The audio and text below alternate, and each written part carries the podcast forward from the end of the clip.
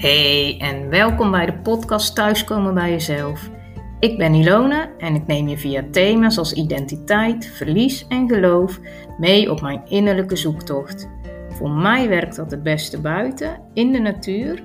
Dus ik nodig je uit om de natuur op te zoeken en je al luisterend te laten inspireren om samen met mij de weg naar je hart te bewandelen en uiteindelijk thuis te komen bij jezelf. Welkom bij alweer een nieuwe aflevering van de podcast Thuiskomen bij Jezelf. In de vorige aflevering kwamen de loyaliteit aan bod. De loyaliteiten die ontstaan door je geboorte en die rechten en plichten met zich meebrengen. Het is de ideale situatie natuurlijk als dit een balans is. dat er een balans is van geven en ontvangen. En het is, het is een natuurlijke weg dat een ouder in het begin ja, ik veel meer geeft ik heb maar een moeder die, hè, die, die uh, ja, geeft al het leven met de bevalling, maar überhaupt, ouders samen maken het leven. Dus die hebben het leven aan een kind gegeven. Maar ook omdat je als kind totaal afhankelijk bent. En door de jaren heen mag die weegschaal steeds meer in balans komen. En uiteindelijk zo'n kind ja, zelfs meer terug gaan geven. Bijvoorbeeld wanneer een ouder hulpbehoevend gaat worden. Goed, ja, het leven maakt natuurlijk wel dat de weegschaal eigenlijk weinig in balans is. Uh, of in, in ja, veel gevallen. En in deze aflevering duiken we nog wat dieper in de wereld van de loyaliteit en onderzoeken we de invloed van generaties op de balans van geven en nemen. In de tweede aflevering vroeg ik uh, of je al in stil hebt gestaan bij je eigen start dan ben ik benieuwd, hè, van heb, je, eh, heb je tijd genomen om daarover na te denken? Hoe was jouw start? Was je welkom? Was er ruimte voor jouw behoeften?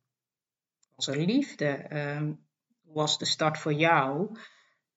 Maar dus ook voor de mensen eh, met wie je verbonden bent. Want jouw start is geen start op zich. Je bent verbonden met de mensen die bij jouw start betrokken zijn of zijn geweest. Of je nu wilt of niet. Jouw ouders hebben ook een eigen start gehad.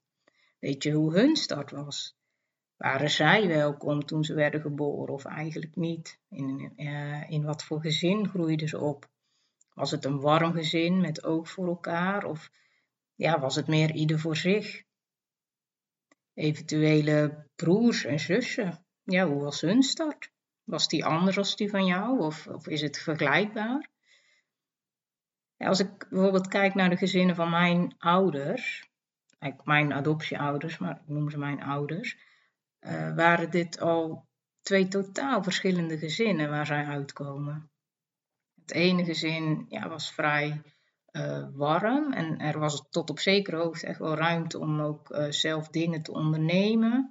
Zelfontplooiing, in hoeverre dat telde in die tijd. Terwijl in het andere gezin, ja, er was veel minder ruimte uh, voor zelfontplooiing. En, en er was gewoon ook veel, uh, veel minder warmte. Dus twee verschillende werelden en die komen toch bij elkaar. En ze moeten dus ook met elkaar een weg zien te vinden.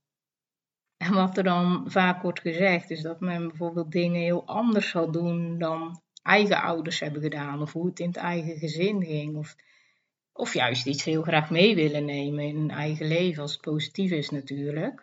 Ik weet niet of je dat zelf ook herkent. Maar vooral in het, in het negatieve geval, wat dan vaak vergeten wordt, is dat die, die weegschaal van geven en ontvangen, die blijft doorgaan. Het stopt niet op het moment dat je op jezelf gaat wonen of een wereldreis gaat maken. Je, je neemt dat met je mee. En als die weegschaal niet goed in balans was, voor je je eigen gezin verlaat, ja, dan ga je ergens anders proberen om toch die weegschaal in balans te krijgen. Als je in je eigen gezin bijvoorbeeld niet gezien werd, ehm, heb je heel erg je best gedaan om wel gezien te worden. Of ben je misschien juist helemaal terug gaan trekken, of ben je je af gaan zetten. In ieder geval heb je niet kunnen geven, of je hebt juist te veel gegeven en, en je hebt niks kunnen ontvangen. Dit maakt dat de weegschaal uit balans is op het moment dat er een partner in beeld komt, dan denk je dat je met, hè, met een schone lei gaat beginnen. Maar wat er eigenlijk gebeurt, is dat de behoefte die, je in je, die in je eigen gezin niet gezien is, die steekt de kop op wanneer je zelf een leven op wil bouwen. En als er dingen getriggerd worden. In het geval van niet gezien zijn, wil je dus juist gezien worden, wil je gehoord worden. En op het moment dat bijvoorbeeld je partner misschien een keer niet zo aanwezig is tijdens een gesprek, ja, word jij teruggeworpen naar de tijd dat jij je als kind niet gezien voelde in jouw gezin. Je voelt dezelfde pijn of afwijzing of boosheid, maar ja, dan bij een andere persoon en in een hele andere context en wellicht ook heel veel jaren later. Maar het vervelende is dat wanneer we ons hier niet bewust van zijn, uh, we ook reageren vanuit de pijn van vroeger. En we leggen dan de gewichten die eigenlijk ergens anders horen bij onschuldige derden, zoals dat dan genoemd wordt. Ergens verwachten we dat zij die balans gaan herstellen. Ken je dat gevoel dat je dan ineens uit je slof schiet?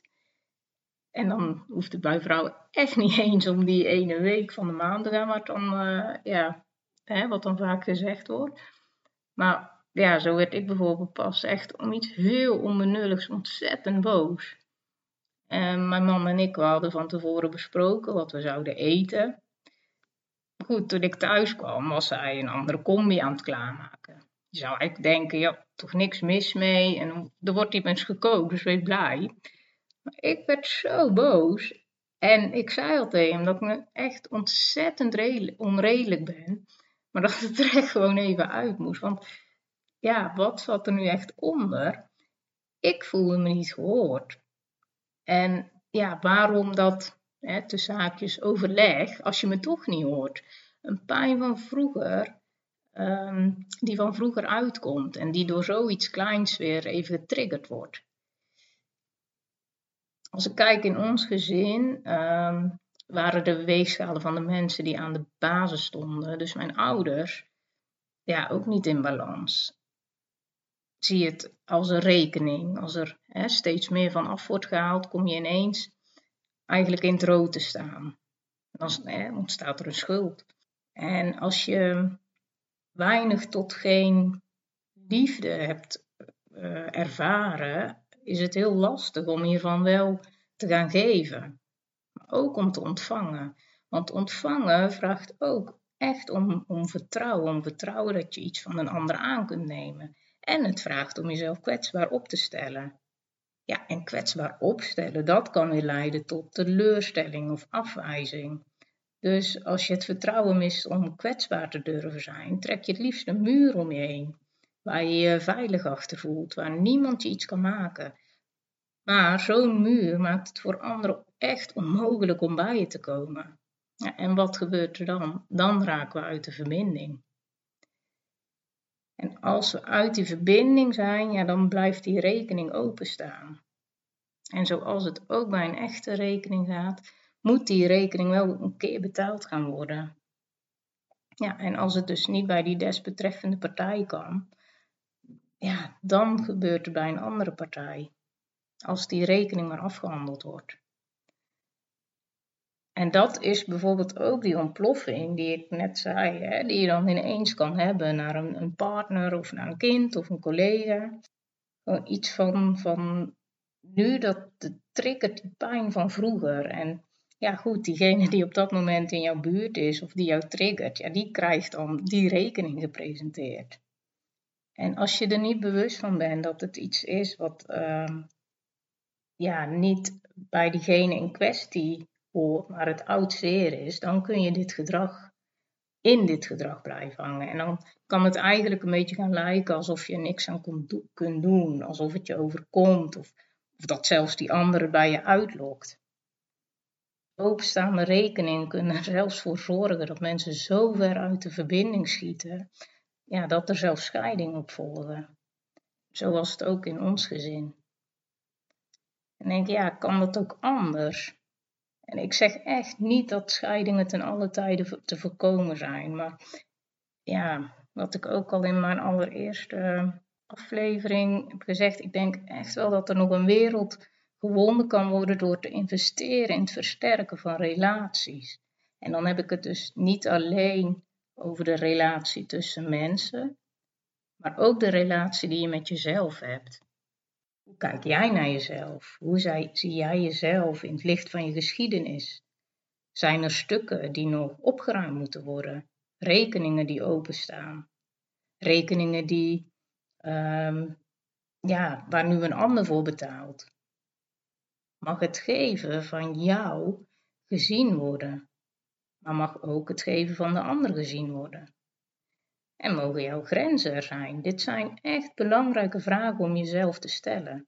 Vragen die nodig zijn om, om zelf gezien te worden en zeker ook om de ander te gaan zien. En vragen die nodig zijn om weer in verbinding te komen. Denk jij nou bij het horen ja, ook van deze vragen bijvoorbeeld, of überhaupt van uh, wat ik net verteld heb, um, ja, van joh, hier heb ik toch wel wat stukken openstaan. En wil je graag die stukken eens onder de loep nemen, neem dan echt geheel vrijblijvend uh, contact met mij op. Of kijk eens op mijn site wat, uh, wat ik je kan bieden, bijvoorbeeld met één op één coaching. En uh, ja, dat was het in ieder geval weer voor deze aflevering. En ook voor dit jaar. Voor mijn gevoel is het echt heel hard gegaan. Ik weet niet of dat voor jou ook zo is.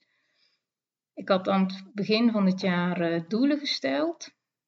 Ook doelen waarvan ik eigenlijk totaal nog niet wist hoe het eruit ging zien. Maar ik merk wel, de doelen hebben mij echt enorm geholpen om met meer focus naar dingen te kijken en uh, er ook mee bezig te zijn. Het heeft bijvoorbeeld toegeleid dat ik echt duidelijkheid ging zoeken in mijn werkrichting. En uiteindelijk ook uh, dus deze podcast op ben gaan nemen.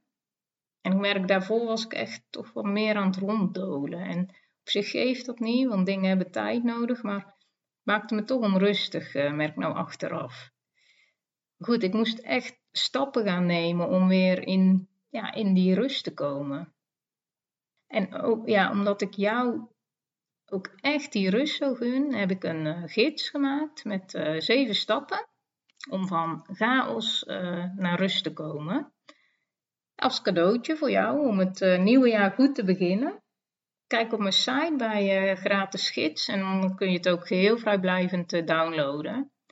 En ik vraag je hier ook of je meer tips wilt ontvangen. En je mag hier natuurlijk nee op zeggen, maar ik zeg bij deze al, ik ga je absoluut niet spammen. Ik geef je echt alleen iets eh, mee waarvan ik denk dat het waardevol voor jou kan zijn. Dus ja, ik kan voor nu alleen maar zeggen, doe er je voordeel mee. en ja, nu wil ik je ook vooral bedanken voor het luisteren naar mijn podcast. Ook als dit je eerste keer is. Het is voor mij wel echt een bemoediging om te horen dat er mensen ja, echt iets ook uh, mee kunnen. En dat maakt dat ik er ook echt zin in heb om je in het nieuwe jaar weer uh, verder mee te nemen, zodat jij eruit kan halen wat jij nodig hebt. En dat wens ik je ook zeker voor het nieuwe jaar toe. Een mooi jaar waarin jij aan kan pakken wat jij aan te pakken hebt en ontvangt wat jij mag gaan ontvangen. Tot in 2022. Heel erg bedankt dat je geluisterd hebt naar de podcast Thuiskomen bij jezelf. Wil je de afleveringen overzichtelijk onder elkaar en niks missen? Abonneer je dan op deze podcast. En ik vind het fijn om te horen of een aflevering iets bij je in beweging heeft gebracht, of misschien heeft het vragen opgeroepen. Je kunt reageren bijvoorbeeld via het contactformulier op www.issue.nl, ISYOU, of volg me op Instagram, Ilona Zonneveld.